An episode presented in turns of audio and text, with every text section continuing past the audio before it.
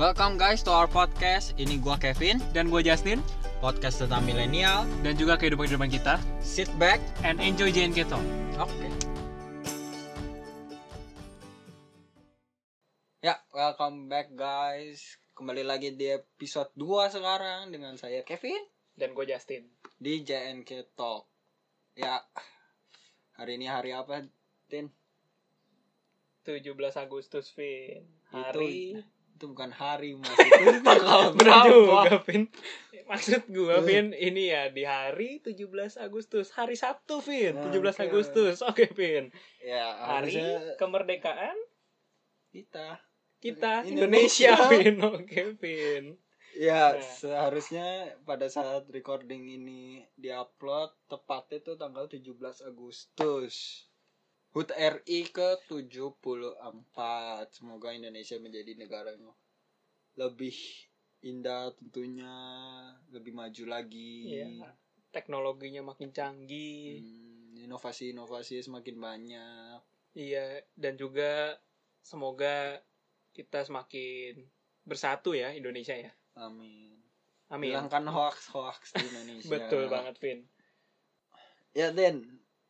Hari ah, minggu-minggu ini lo ngapain aja? Ya, gue masih dengan rutinitas-rutinitas kantor sih, Vin. Kan gue masih magang nih. Gue Hmm. magang di perusahaan yang ber berkecimpungan di dunia IT. Jadi gue masih sibuk-sibuk ngurusin sistem sih, Vin. Hmm. Nah, kalau lu gimana, Vin? Kalau gua gua harusnya menyelesaikan laporan magang gua karena gua magang di tempat pertama selama enam bulan, di tempat kedua nanti akan lanjut. Jadi gua harus memberikan laporan magang. Tapi nggak tahu kenapa ma- laporan magang gua kayak nggak selesai-selesai. Dan pas banget pas gua datang itu lagi 17 Agustusan mereka. Waduh, untung gue udah selesai, Vin. Udah selesai? Udah dong, gue udah selesai. Tinggal butuh paraf-paraf aja. Oh, laporan magangnya. Gua kira Iya. 17 Agustusan ya. Laporan magangnya, Pak. Di kantor lu nggak ada 17 Agustusan? Acaranya. Iya dong. Acaranya sih Lomba-lomba gitu. ada. Cuma gue dilakuin itu minggu depan. Berarti setelah 17 Agustusan lah. Dilakuin. Nah, tapi eh, kemarinnya itu sih, maksudnya sebelum 17 Agustus, gue ada eh, acara kecil doang. Acara kecil-kecilan aja. Kayak foto-foto buat eh, dokumentasi aja. Tapi nanti untuk kayak games-gamesnya atau mungkin lomba-lombanya itu di minggu depan sih, Vin. Kalau di kantor gue. Nah, minggu depan lu jadi telat telat Iya, seminggu jadi dong. emang ngelewatin dari ya nggak harus di tanggalnya sih, Vin, gitu. Yang penting kan kita ngerayain gitu, Vin. Oh, sih. Jiwa nasionalis. Yang penting ngerayain ya. Iya, yang penting ngerayain doang gitu ya. Yes. Oke. Eh, jadi Tin, hari ini kita ngomongin apa nih? Topik apa nih yang kita bicarakan pada hari ini? Eh, jadi hari ini sih kita mau ngebahas tentang investasi, Vin sebenarnya. Cuma investasi yang mau kita bahas di sini lebih ke investasi-investasi yang ringan, yang menurut gua harusnya sih eh semua orang tuh bisa gitu loh Hmm. investasi ini karena invest- investasi-investasi yang mau gue bahas ini bisa dimulai dari eh, uang-uang yang jumlah uang yang kecil sih, Vin. Hmm, jadi kayak investasi ringan-ringan lah Iya, yang untuk, ringan lah ya. Untuk anak muda, Ah. anak milenial zaman sekarang. Ya, betul banget, Vin. apa nih bedanya investasi ringan dengan yang bisa kita pak kita mulai sekarang sama yang yang Oh. orang besar gitu loh Oh, maksudnya yang butuh dana besar gitu. ya Ya sebenarnya sih eh, kecil besar itu kan relatif ya, setiap orang Hmm. beda-beda. Cuma ini gua ngambil tengahnya aja yang menurut gua harusnya nih bagi sebagian orang ini kecil dan bagian sebagian orang ini besar gitu, Vin. Nah, jadi maksudnya eh, jumlah uangnya, Vin. ah jumlah Sorry ya. Jadi maksudnya jumlah uangnya gua ngambil tengah-tengah yang menurut sebagian orang ini kecil, menurut sebagian orang juga ini besar gitu. Hmm. Jadi eh investasi kecil yang gue maksud ini contohnya tuh kayak reksadana Vin. Eh gua kan juga main reksadana nih Vin. Yang gue juga lu juga main kan Vin? Ya Nah. gua main sih investasi investasi. Tapi menurut gua eh, investasi ringan itu bisa gue pakai buat masa tua atau masa depan. Oh. lo lo pak investasi emang lu buat apa? Nah kalau gue sih kalau buat gue Vin itu investasi sih gue untuk kebutuhan-kebutuhan. Sama sih Vin ada untuk masa depan tapi ada juga buat kebutuhan-kebutuhan yang mungkin untuk jangka dek- dekat ini. Misalkan contoh gue lagi pengen ngumpulin uang nih buat mungkin di lima tahun atau tiga tahun lagi gue mau punya mobil mobil khusus tertentu ya lebih spesifik. Misalkan contoh mobil SUV gitu kan yang harganya tuh biasanya lebih mahal daripada mobil-mobil hatchback gitu kan. Nah jadi gua main di reksadana kan gue main di dua fin ada di pasar uang ada di campuran. Nah itu pun eh gue main untuk beda jangka waktu dan beda tujuan pin jadi gue emang sama kayak lu ada untuk tujuan yang jangka panjang ada juga gue buat tujuan jangka pendek gitu jangka pendek yang gue maksud ini 1 sampai dua tahun gitu Oh. Tapi tadi lu ngomong apa reksadana pasar uang. Yang gua tahu malah cuma pasar uang. Emang ada apa lagi? Oh, jadi reksadana itu eh, ada pasar uang. Terus pendapatan tetap campuran sama saham, Vin. Hmm. Yang gue tahu sih itu, Vin. Jadi ada empat. Dan itu semua sih menurut gue beda-beda semua sih. Tergantung kebutuhannya sih. Hmm. Kalau Hmm. lu emang masuk yang pasar uang itu karena lu cuma taunya itu doang atau emang lu ada tujuan spesifik gitu, Vin? Jujur ya, gue juga nggak begitu tahu kalau tentang reksadana. Karena emang gua eh, mencoba reksadana pun karena ada satu e-commerce, salah satu e-commerce yang membuat itu jadi mudah gitu loh. Hmm. investasi Oh, jadi investasinya jadi mudah baru gue make. Dan tapi gue nggak tahu itu. Ya, reksadana tipe apa. Oh, yang gue tahu ya reksadana. Oke. ya kalau lu kan lu kan lebih peng- pengetahuannya lebih dalam lah tentang reksadana ini investasi ringan lah untuk masa mudah karena lu juga dulunya pernah pernah kerja juga kan tentang Oh, sebenarnya investasi bukan ya sebenarnya sih yang sampai sekarang gue juga bukan bukan kerja investasi sih sebenarnya. Ya gue pernah nginvestasi dan gue pernah nge-research sih Vin. Jadi gue pernah nge-research dulu sebelum sebelum gue coba masuk ke reksadana ya gue sempet research. Jadi eh alasan gue juga kenapa gue pilih reksadana. Nah ini balik juga tadi terkait pertanyaan lu kan Vin. Lu tanya emang bedanya apa yang jumlah uang kecil dan jumlah uang Hmm. besar tuh seperti apa? Nah gue tuh pilih reksadana itu kan karena yang gue tahu dulu itu reksadana tuh bisa dimulai dari uang di bawah satu juta Hmm. gitu. di bawah satu juta tuh udah bisa bahkan minimal yang gue tahu itu seratus ribu jadi seratus Ya. ribu aja lu udah bisa punya unit link unit link itu maksudnya saham reksadananya ya nah jadi eh itu salah satu alasan kenapa gue lebih pilih reksadana karena yang gue tahu kalau untuk main saham setahu gue itu puluhan juta ke atas. Kalau nggak salah ya ini masih opini gue setahu gue seingat gue tuh itu 10 juta ke atas kalau untuk main yang saham ya. Karena dia beli kan per lot ya.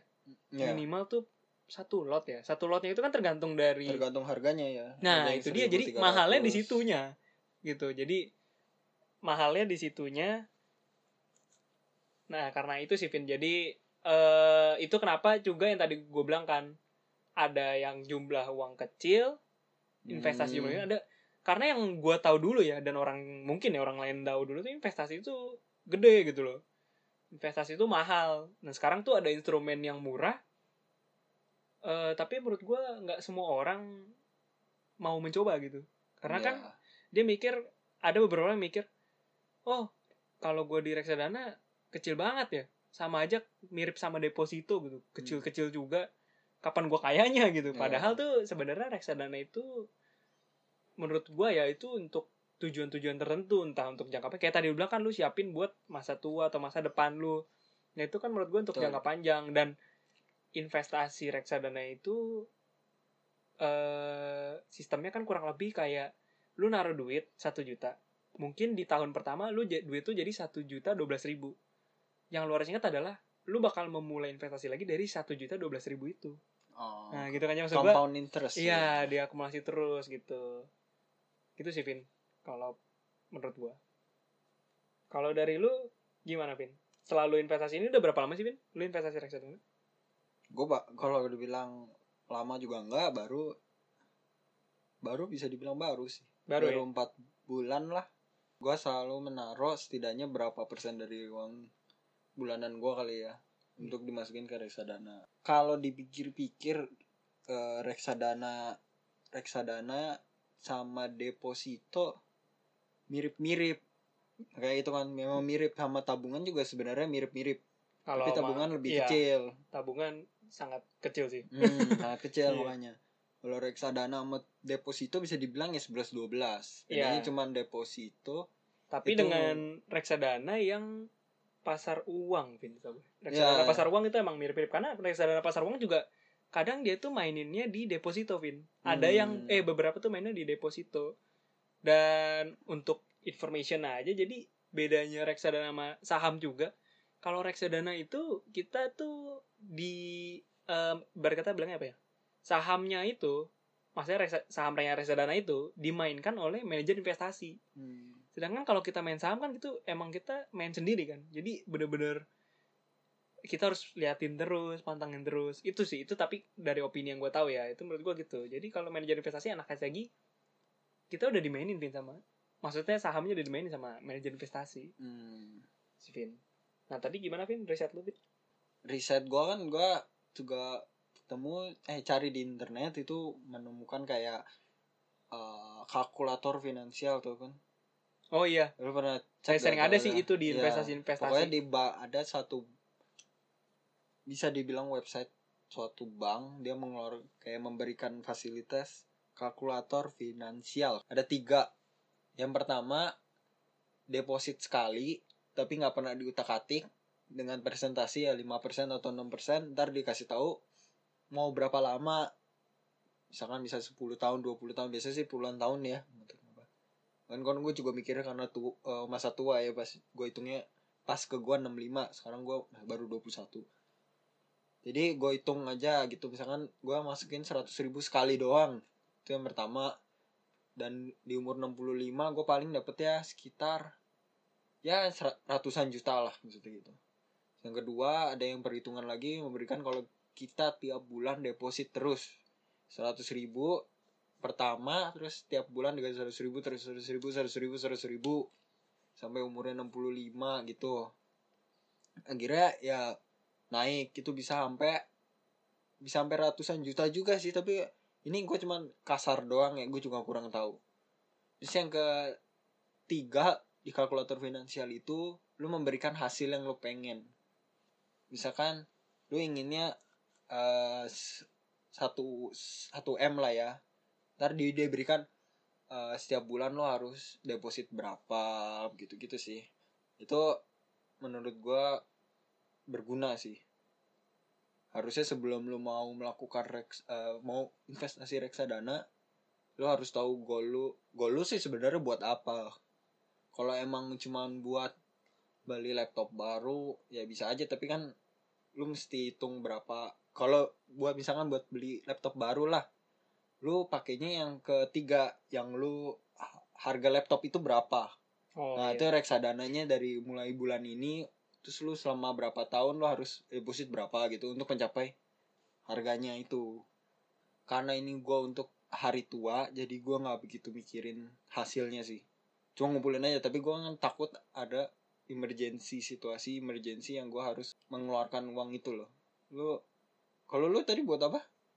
Oh, jadi gua itu eh untuk masa tua tuh satu, sama satu lagi tuh gua untuk yang jangka jangka bagi gue sih jangkanya jangka waktu dekat ya, 1 sampai 2 tahun itu buat eh, tujuan-tujuan yang misalkan gue pengen beli sesuatu di, di di tahun itu gue pengen beli sesuatu. Jadi gua investasiin dulu sekarang biar duitnya tuh setidaknya berakumulasi dulu. Karena se gue jelasin sedikit juga.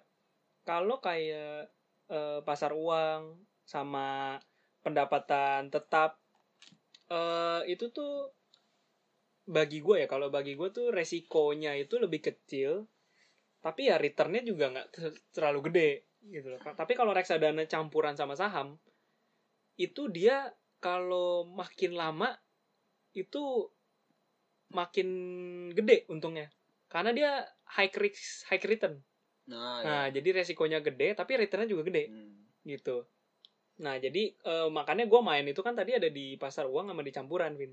Karena yang campuran tuh gue mau diemin emang buat lama, Vin, karena dia high risk high return. Nah jadi gue diemin lebih lama, mungkin makanya gue bilang itu lebih buat masa tua. Dan kalau yang pasar uang sih gue buat buat ya misalkan kalau gue mau beli HP misalkan dua tahun lagi HP yang uh, high class lah gitu yang mahal ya udah gue uh, uh, gue reksadanain dulu sekarang daripada gue harus beli nyicil karena Oh. menurut gue dibanding gue beli nyicil dan harganya entah jadi naik Iya kan ada iya bunganya. kan ada bunganya atau ya atau enggak kan jadi utang gitu. Gue Hmm. malas banget gitu sama utang. Nah mendingan eh gua investasiin dulu sekarang. Nggak apa-apa gue misalkan gue pakai HP gue yang dulu sekarang tapi nanti ya setahun dua tahun lagi lah gue baru beli. Gitu. Hmm. menurut gue itu gue lebih milih prinsip seperti itu sih Vin. Jadi lo jangka pendeknya pakai gue pakai yang pasar uang. Pasar uang. iya. Terus yang kalau jangka panjang? Jangka panjang gue masih yang campuran. Gue belum pilih yang saham. Loh.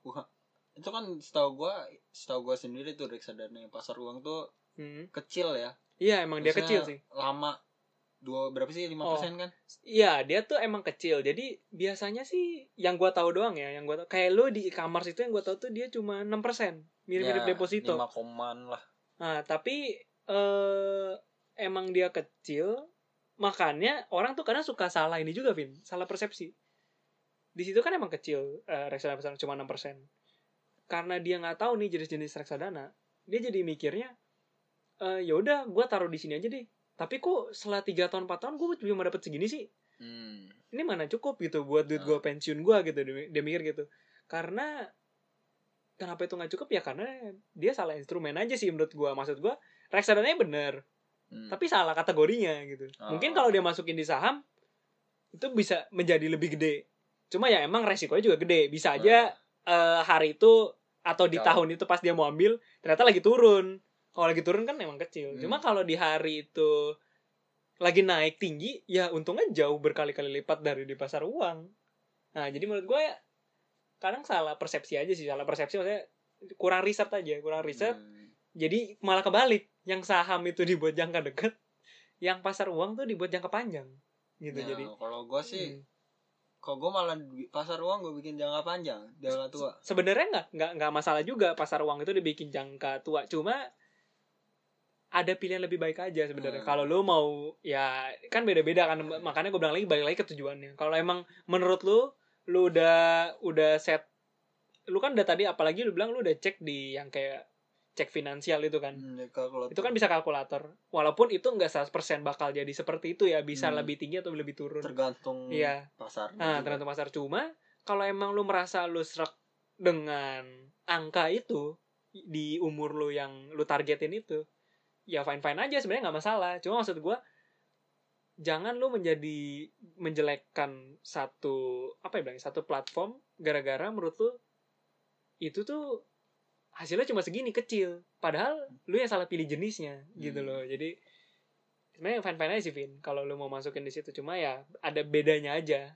Lagian kan kalau di situ lu juga risknya lebih kecil. Hmm. cuma lu dapat juga lebih kecil. Kalau di saham risk lu lebih gede tapi return lu bisa jauh lebih gede lagi. Dan Ya. itu kenapa orang bilang buat jangka panjang juga? Karena kan dia eh, risknya gede bisa turun tapi bisa naik lagi nah tapi nunggunya itu gitu loh seberapa Ya. seberapa lu tahan lu nunggu itu karena kan orang nggak tahanan mau ngambil mau ngambil kayak gitu sih Vin makanya harus tujuan dulu Tergantung, iya, tujuan ya. iya tujuan dulu sih Vin yang penting Hmm. Tapi kita belum belum jelasin ya reksadana itu apa ya. Kita Oh. langsung masuk ya. Menurut lo apa tin kalau reksadana itu apa? ya sebenarnya tadi ada penjelasan sekilas-kilas sedikit sih Ya. Vin kita jadi reksadana ini kalau menurut gue aja Vin ya. Kalau menurut gue tuh reksadana kita tuh bisa apa ya bilangnya kayak dana bersama kali ya jadi para pemodal-pemodal ini para investor maksudnya kita kumpulin dana bersama yang nanti tuh di dimaininnya tuh sama manajer investasi jadi kayak kita mempercayakan uang kita kepada manajer- investasi ini untuk memainkan eh, saham reksadana ini Hmm. yang gimana Ya. kalau dapat profit ya itu nanti buat kita gitu loh Hmm. menurut gue sih gitu sih Vin kalau pandangan gue kalau menurut lo ada gimana Vin ada ini nggak tambahan untuk reksadana artinya Menurut gua apa ya reksadana ya? Kayak kalau gua mikir-mikirnya juga reksadana mirip-mirip sama lu sih. Jadi eh ibarat katanya ada orang yang mengatur keuangan kita. Dia punya kayak manajer investasi yang Iya. kita berikan uangnya ke kita uangnya ke dia iya terus dia akan mengelola uang kita mengelola Iya, uangnya betul. kita supaya dapat keuntungan juga gitu Iya, loh. betul banget, dan Vin. caranya ya diberikan ke perusahaan-perusahaan yang memang butuh Iya, yang butuh modal ya butuh modal Hmm. gitu sih Nah, sama ngomong-ngomongin modal juga, Vin, gue ada sempet kan waktu gue cari-cari investasi itu, gue ada sempet juga nemu itu website namanya crowd crowd gitu namanya. Jadi crowdnya eh crowd itu C R O W D E ya. Nah jadi itu dia itu ya dia tuh lebih khusus eh, kumpulin modal. Jadi kayak kita bisa jadi investor di situ buat investasi eh buat si mau si pembuka usaha tapi usaha-usahanya itu di bidangnya agro hmm. agro itu yang tanaman-tanaman Tanaman ya tahu Ya. perkebunan eh, plantation. Oh iya betul. Jadi di bidang agro itu Vin. Jadi di bidang agro itu banyak kayak ada pengusaha yang mau jual eh, misalkan dia butuh modal segini nih buat dia bikin tanam eh, apa sih namanya? Buat bikin kebun buat nanam gitu Vin. Buat Hmm. tanam misalkan tanam gue pengen nanam kol nih. Nah gue butuh modal segini nih. Nah kita bisa kayak modalin dia melalui website ini. Ini juga udah udah ada OJK-nya ya nah jadi kita bisa dari website ini kita bisa naruh uang itu berapa dari tergantung minimalnya ya. Setahu gue minimalnya juga kecil gitu. Jadi bisa mel- melalui duit yang kecil tapi eh gue belum riset dengan pasti. Jadi eh, kalian kalau yang mau lebih tahu lagi bisa riset juga websitenya. Jadi di situ tuh kita bisa kayak jadi investor, Vin. Nah, tapi kita bisa milih mau kita invest ke siapa nih? Mau yang, yang nanam kol atau yang nanam sayur lain Hmm. gitu. Tapi khusus agriculture only. Yang gua tahu sih gitu khusus agriculture only on only.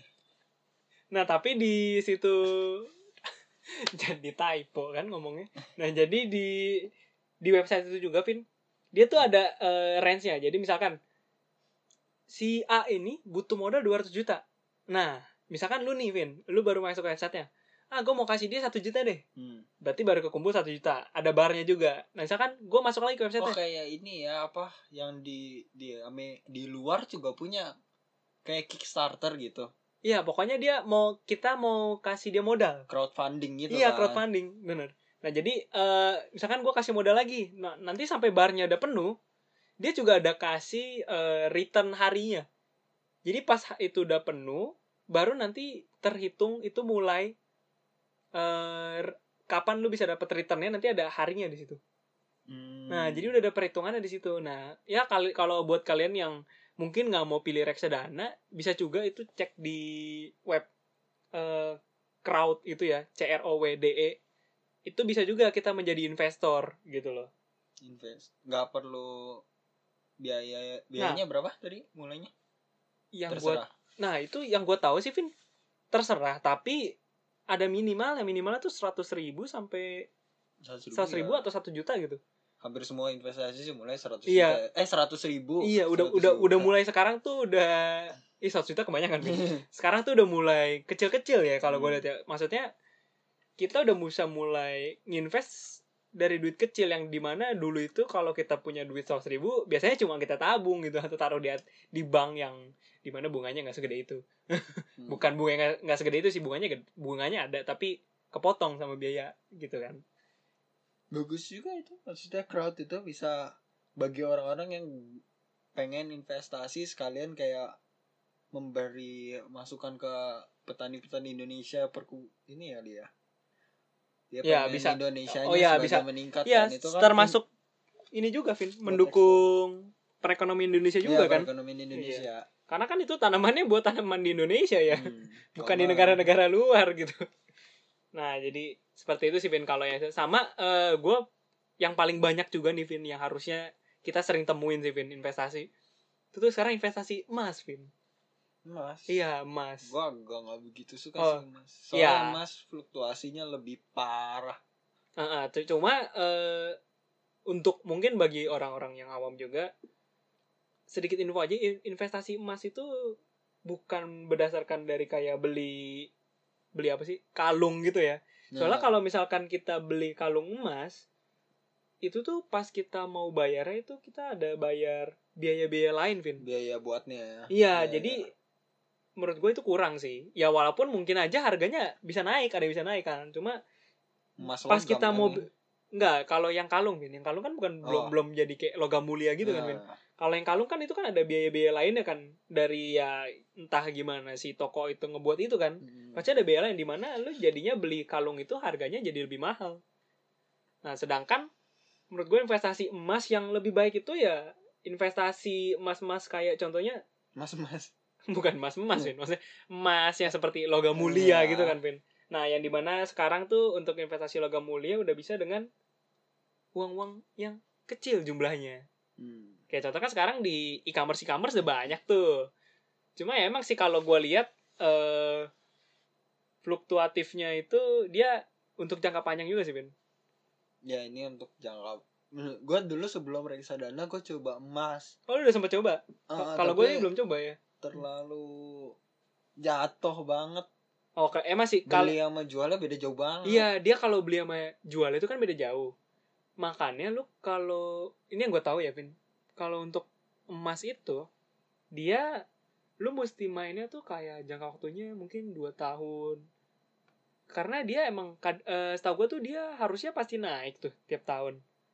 Tapi di pasti naiknya itu bisa turun juga di di tiap bulannya. Hmm. Agak rancu ya kata-katanya ya. Nggak, tapi ya, maksud gue gue ngerti maksud ya. Tapi Iya kan? Pak kalau lu untuk jangka panjang ya, kalau Ya, itu emas bi- bisa- bisa bagus. naik, ya. Tapi kalau untuk jangka pendek jangan.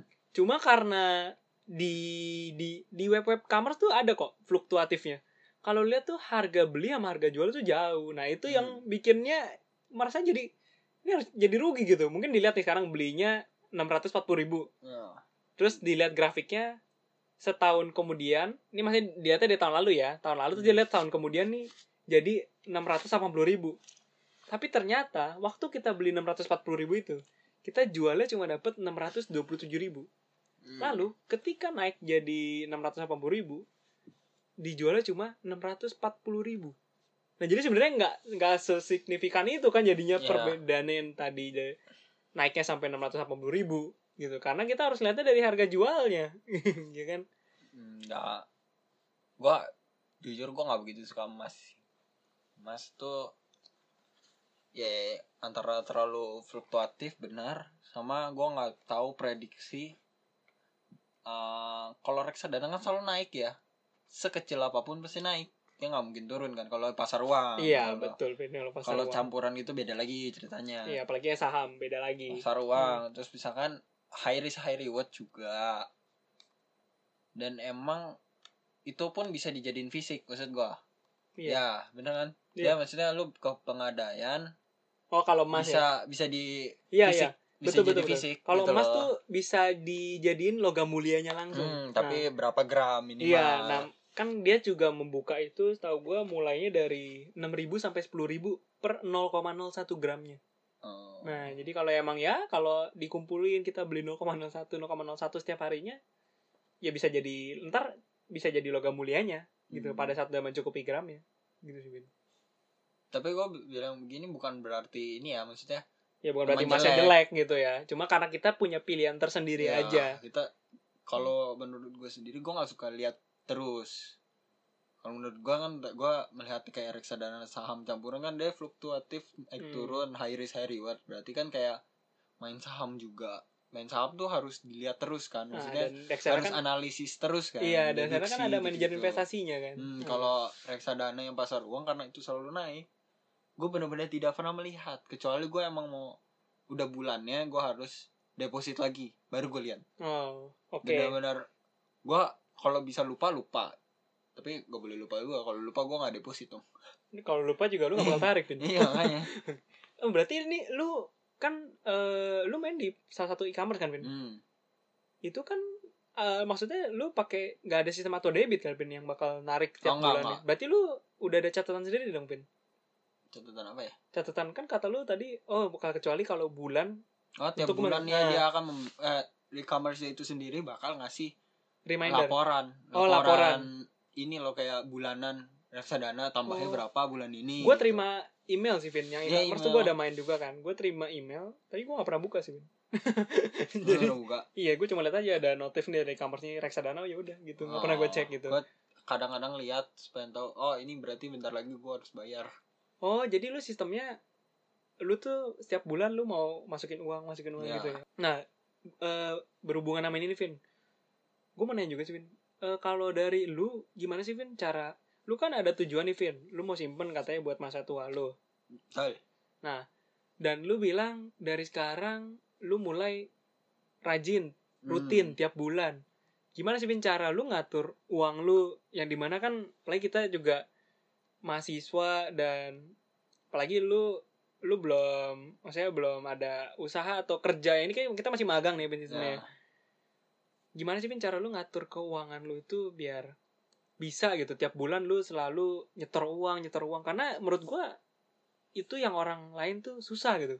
Kalau tanya kalau misalkan gua kasih tahu oh lu, lu kenapa nggak investasi aja buat nanti misalkan keinginan keinginan lu itu yang masih lama itu? Misalkan gue pengen nih dua tahun lagi gue bisa beli rumah. Ya kenapa nggak lu investasiin aja biar duit itu bisa bekerja gitu loh. Dia bilang aduh gue uangnya pas-pasan nih nggak cukup nih gitu. Nah kalau dari lu gimana sih Vin lu bisa memanage keuangan lu itu dan sekolahan Mm-mm. satu hal yang bisa dilakukan lu coba mengin uninstall i- semua e-commerce sama kalau emang mau lebih ekstrim lagi lu lu uninstall sosial media lu Kenapa tuh Vin? Harus eh, Karena- uninstall itu. menurut gua sendiri ya ngeliat orang yang punya sesuatu yang lu nggak punya tuh bikin lu pengen Oh. tapi sebenarnya lu nggak butuh gitu loh oh, jadi karena kayak lapar konsumerisme mata ya, ya, lapar mata. karena bingung kayak eh waduh bagus ya orang lain bagus ya terus mau coba diri kita tapi belum tentu bagus juga dan akhirnya cuma dipakai sekali gitu loh saya Hmm. gue sayangnya begitu Hmm, dan dan bahkan banyak lagi yang masih mending orangnya baru pakai sekali, habis itu dia merasa udah nggak butuh lagi, dia jual gitu. ya ini, Ini banyak malah banyak disimpan. yang iya disimpan akhirnya jadi barang yang tidak terpakai, hanya Hmm. numpuk-numpuk aja gitu. Betul banget begitu. Dan gue juga coba apa tak gue bisa menjelaskan lebih dalam lagi kalau ini ini tentang budgeting sih lebih tepatnya. Kalau gue ada yang ini gue pernah baca buku termnya namanya kakeibo. Itu dari Jepang. Jadi ini untuk kayak jadi dari dulu tuh kayak ibu-ibu ibu-ibu Jepang gitu kan. Kan dia nggak suaminya bekerja tuh istrinya nggak Oh, Oke. jadi dia melakukan term ini tuh di mana ketika dia mendapatkan uh, uang bulanan itu dia siapin amplop Oke. jadi benar-benar pas dapat uangnya itu disiapin amplop mana untuk listrik mana untuk uh, Kebutuhan rumah kebutuhan tangga. rumah tangga Oh, misalnya oke. sehari-hari gimana Oh, jadi udah bayarannya ya. ya bayar bayar oh, uang sekolah gitu dibagi udah dimasukin amplop itu dan setelah itu sisanya baru boleh dipakai. Nah kalau gue juga mirip-mirip begitu tapi gue bedain ke eh, pertama gue berapa persen gue buat investasi? Oke. berapa persen eh, donasi? Berapa persen lagi gue simpan lagi buat tabungan? Terus berapa persen lagi gue bayar untuk eh, kayak bulanan-bulanan yang kayak Spotify gitu entertainment lah sisanya baru gue bisa buat jajan makan gitu kalau emang buat jajan pengen jajan ya udah jajan Hmm. ini bisa lebih lebih jelas lagi sih kalau ini hanya sebatas itulah Tapi yang lu bilang itu sebenarnya kurang lebih sama sih Vin sama yang gue terapin. Hmm. yang gue terapin pun juga eh gue melakukan budgeting juga sama tapi budgetingnya gue itu eh gue ngebagi juga Vin. Buat investasi yang mana buat keperluan gue yang mana eh buat gue makan yang mana. Dan di di budgeting gue itu Vin yang gue terapin juga eh orang itu suka suka yang namanya misalkan gini Vin. Gue punya di investasi gue nih gue ada 2 juta misalkan gitu. Terus eh, ada satu barang nih misalkan. Barang yang lu pengen banget barang yang udah sangat lu pengen limited Hmm. cuma keluar di hari itu. Ah ya tapi di hari itu lu udah gak punya uang. Hmm. sedangkan lu baru gajian dua hari lagi misalkan gitu. Lu bingung dong. Lu harus minjam duit ke mana atau Ya. gimana ya? Akhirnya dia ngambil uang investasi. Atau lebih parah lagi investasinya udah dimasukin ditarik dulu gitu. Buat dia beli barang itu. Karena emang barangnya limited dan maksudnya emang itu yang dipengen banget kan nah menurut gue itu salah satu jadi kendala juga ya dari orang-orang lakukan investasi. Jadi kalau gue budgeting dan budgeting investasi gue itu sebisa mungkin bener-bener gue nggak sentuh lagi. Hmm. jadi masa kayak gue anggap yaudah itu duit hilang. Gue anggap beneran gue mikirnya kayak yaudah duit itu beneran udah gak ada di hidup gue gitu. Gue anggapnya sampai begitu sampai bener-bener duit itu yang ada di gue tapi ya kalau emang bener-bener keperluan kayak tiba-tiba eh lu nih sakit keras ya sakit maksudnya lu sakit gitu sampai mas rumah sakit dan butuh biaya ya mau gimana lagi gitu kan? Masa lu diemin duit itu terus kan eh masa ntar lu amit-amit gitu sampai lu meninggal gara-gara lu nggak punya duit padahal lu ada duit di investasi gitu kan? Oh. Ya, maksudnya jangan sampai begitu juga cuma maksudnya kan eh lu untuk keperluan-keperluan yang memang itu barang lu mau dan akhirnya keluar juga nih selalu nunggu lama-lama selalu eh, menantikan lama-lama tapi uang investasi menurut gue jangan disentuh untuk hal seperti itu. Kalau untuk kemewahan janganlah, jangan menggunakan uang investasi lah. ya maksudnya Karena ya, kemewahan kan cuma buat melengkapi. ya betul. Yang yang kebutuhan yang sebenarnya lu nggak bakal mati gitu kalau nggak ada itu kan. Ya maksudnya soalnya di kita eh, kalau dari gue ya gue prinsipnya ya gue utamain investasi gue dulu. Karena investasi gue itu kan investasi itu bagi gue uang yang bekerja buat gue Hmm. jadi semakin banyak uang yang gue taruh di situ ibarat kata pekerja gue tuh semakin banyak. Hmm, Ya. jadi jangan gue kurangin pekerja gue yang maksud itu pekerja gue segini gue cuma dapat segini. Gue kurangin lagi. Ya kapan gue ininya gitu Kapan kapan, naiknya? iya kapan naiknya. Mendingan tuh lu tambah pekerja lu tambah pekerja lu terus nanti hasil dari dia kerja itu baru lu beliin. Jangan duit yang lu mau pakai itu lu beliin dulu nanti baru lu ganti. Salah gitu menurut gue menurut gue itu hanya jadi apa ya gali lubang tutup lubang aja. Hmm. mendingan lu suruh dia kerja dulu lu tahan dulu lah setahun dua tahun. Nanti juga banyak kok ya barang-barang yang lebih up to date lebih limited yang lebih rare lagi gitu kan. Baru nanti lu pakai duitnya. Jadi manfaatin lah uang hasil dari uang yang kerja lu itu. Hmm.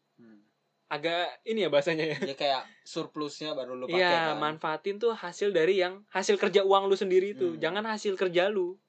Hmm. Hasil kerja lu lu pakai buat nambahin pekerja Ya, lu ada. itu. Maaf ya kalau bahasanya agak susah nih ya. Tapi maksudnya seperti itu gitu. Nah, jadi eh kurang lebih sih seperti itu sih, Vin. Kalau dari investasi uang ya, Vin ya. Cuma kalau gue boleh bilang lagi ya dengan tema kita like investment ini, investasi, ringan. iya investasi ringan. Mudah. Ya, jadi itu nggak cuma investasi uang juga, Vin. Kayaknya investasi kesehatan dan paling penting menurut gue investasi pikiran, Vin. Itu kan paling penting, Vin. Apalagi yang kayak tadi cara lu jelasin kan lu tahu dari buku gitu loh. Hmm. Ya kan lu tahu dari buku tentang budgeting.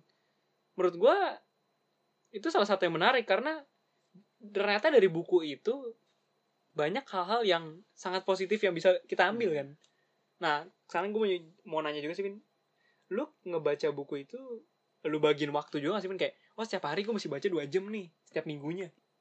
Kalau gua sih bukan dua jam ya. Menurut gua dua jam tuh untuk kalau misalkan kalau lu pemula ya maksudnya Hmm. pengen mau baca buku dua jam itu kelamaan Oh, Kayaknya- kelamaan. Bosen ya?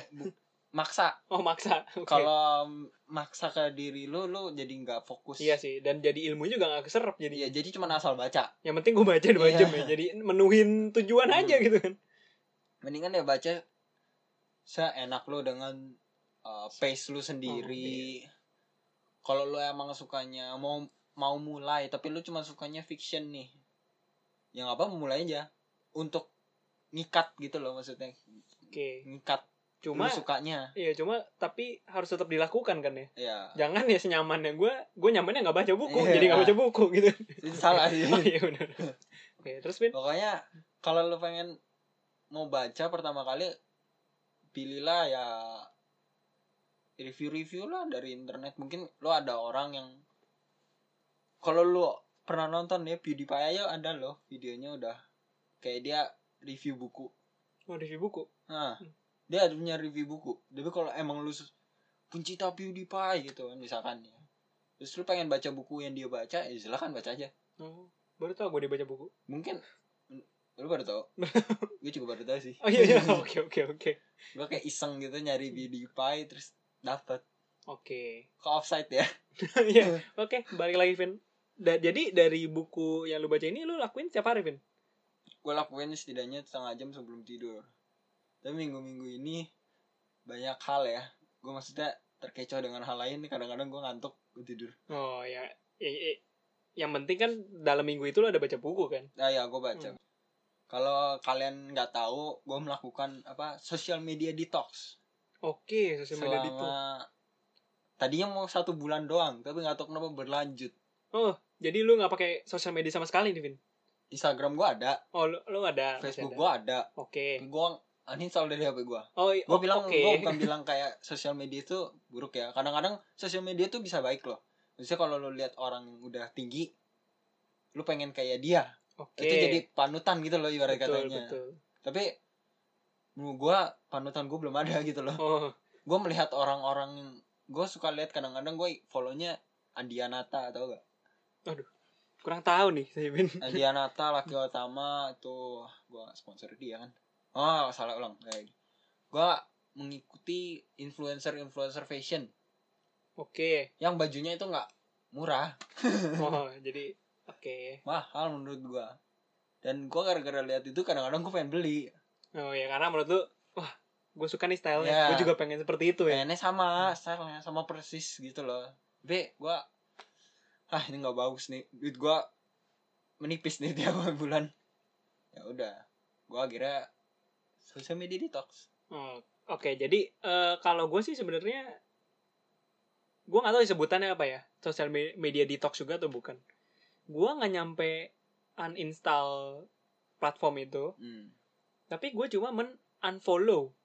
oh, Nah, yang mempengaruhi gue karena gue ada men unfollow kayak toko-toko yang menurut gue nih berpengaruh banget terhadap pengeluaran uang gue gitu. iya.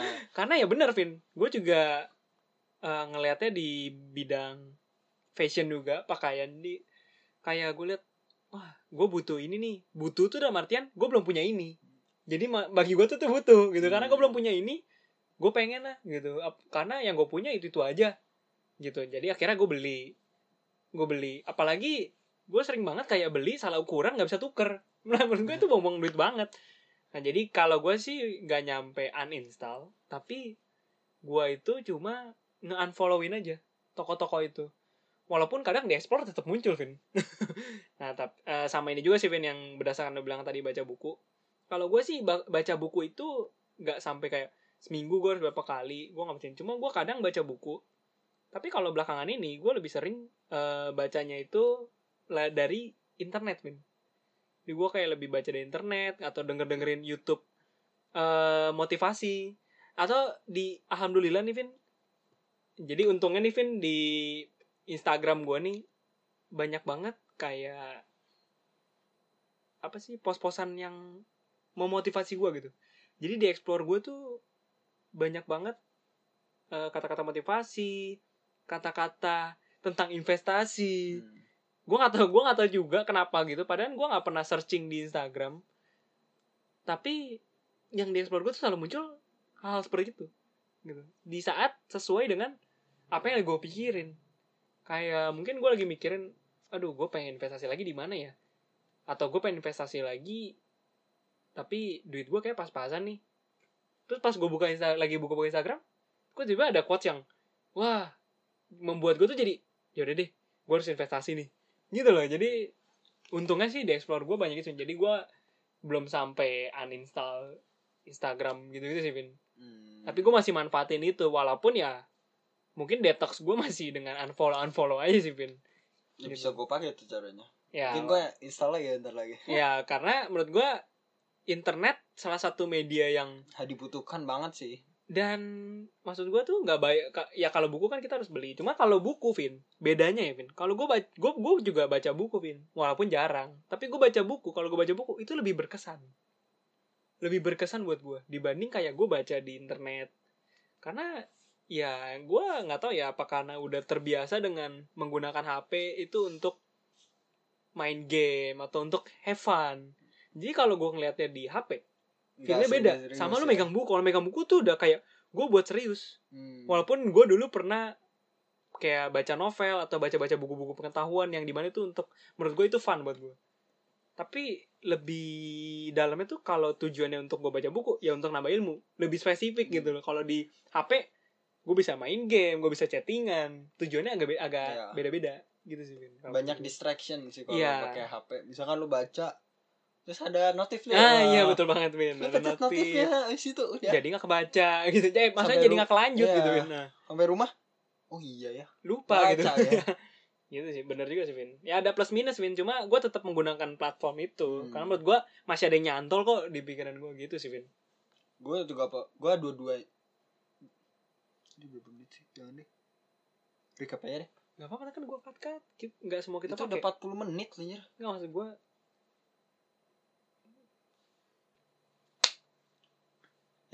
Eh, kayaknya kita juga sudah terlalu lama ya bicara. Mari kita recap hari ini kita ngomongin apa aja. Ya jadi eh, kita kan ngomongin tentang investasi ringan nih Vin ya. Seperti judul kita nih like investment Hmm. gitu ya. Jadi kita bahas tentang reksadana. Asik kan? Investasi reksadana. Tadi ada juga yang gue bilang yang website crowd c r o w d e ya kan?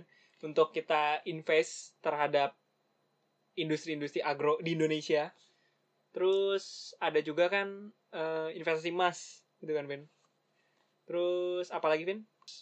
Emas tadi juga udah kan ya? Iya. Perbedaannya juga dengan kalung. Yang kita Iya. beli kalung emas sama benar-benar logam mulia logam mulia Iya. emas terus investasi dalam diri kita sendiri Iya, gimana. betul banget. Investasi dalam diri kita seperti baca buku ya salah Hmm. satunya. oh, iya, Cara budgeting juga, Vin. oh iya Nah, cara budgeting, budgeting, cara Kita mengatur mindset uang ya. kali ya mindset Ah, betul, mindset gimana cara investasinya gitu Oh iya, betul. kayak gitu terus kita bicarakan oh iya kita belum ngasih tahu kalau memang pengen nih melakukan investasi reksadana di sebuah website coba mencari yang ada lambang OJK atau Oh, iya. otoritas jasa keuangan karena Ah. itu sangat dibutuhkan itu tanda berarti Investasi itu udah terjamin lah Ya. setidaknya setidaknya seperti itu karena sama tadi gue sebenarnya sem- sempat ungkit juga sih Vin Iya, di website sempat yang ungkit. iya di website Hmm. crowd tuh emang udah ada OJK nah jadi OJK itu kepanjangannya otoritas jasa keuangan ya hmm, kalau dari gue sih gue nganggapnya kayak dulu tuh menteri keuangan ya sekarang OJK ya gitu loh yang, yang paling tinggi tuh OJK pokoknya Hmm. udah eh, diawasi. Iya, udah diawasi. dan itu berarti kalau emang ada kecurangan ya dibalikin duitnya. Ya karena udah ada undang-undangnya Iya, juga. Ada Ya, undang-undangnya. jadi tidaknya tuh kalian-kalian yang mau coba investasi bisa Ya. punya rasa lebih aman lah ya. Ya nggak nggak takut uangnya dibawa kabur gitu loh. Hmm. resikonya udah diminimin lah seperti itu. Ya maksudnya kalau ya kalau hilang kalau ada apa-apa ya ada back bukan backup ya ada yang ngomong gimana? Ada yang eh, membela ya Gitu. ada yang membela. Ada yang mau mencoba bertanggung jawab berdasarkan undang-undang Hmm. gitu. Ya jadi seperti itu sih rekapan kita hari ini. Nah, coba kalau misalkan kalian ada mau menceritakan weh Iya, menceritakan pengalaman- bagaimana pengalaman investasi betul banget. terus menurut atau yang harus investasi uang ya. Ya, bisa juga harus. dari kayak tadi mindset atau investasi kesehatan juga bisa ya. Hmm, atau lu menceritakan lu pertama kali investasi apa jenisnya kayak gimana berapa Hmm. banyak dan tujuan-tujuan lu berceritakan aja ke kita Hmm. gua kasih email kita Hmm. di Justin and Kevin Talk at gmail.com Iya, betul banget, Vin. ya jangan lupa follow kita di sosial media kita Instagram di jnk.talk, N-nya itu benar-benar AND ya, AND ya J A N D K titik talk, ya T A L K. ya maaf kata jika ada kesalahan dalam kata-kata kita Kebalik, ya. Vin. Maaf jika ada salah kata-kata Iya. dari kita gitu. Oke, ya maaf ya. Jadi ini juga udah terlalu lama ya. Kita sudahi aja untuk episode kali ini ya, Vin ya. episode 2 Ya, makasih ya udah mendengarkan podcast kita. Semoga selalu tetap mau mendengarkan ya podcast kita ya. Oke, terima kasih. Ya, thank you See you guys. ne- See you next episode. episode. Bye.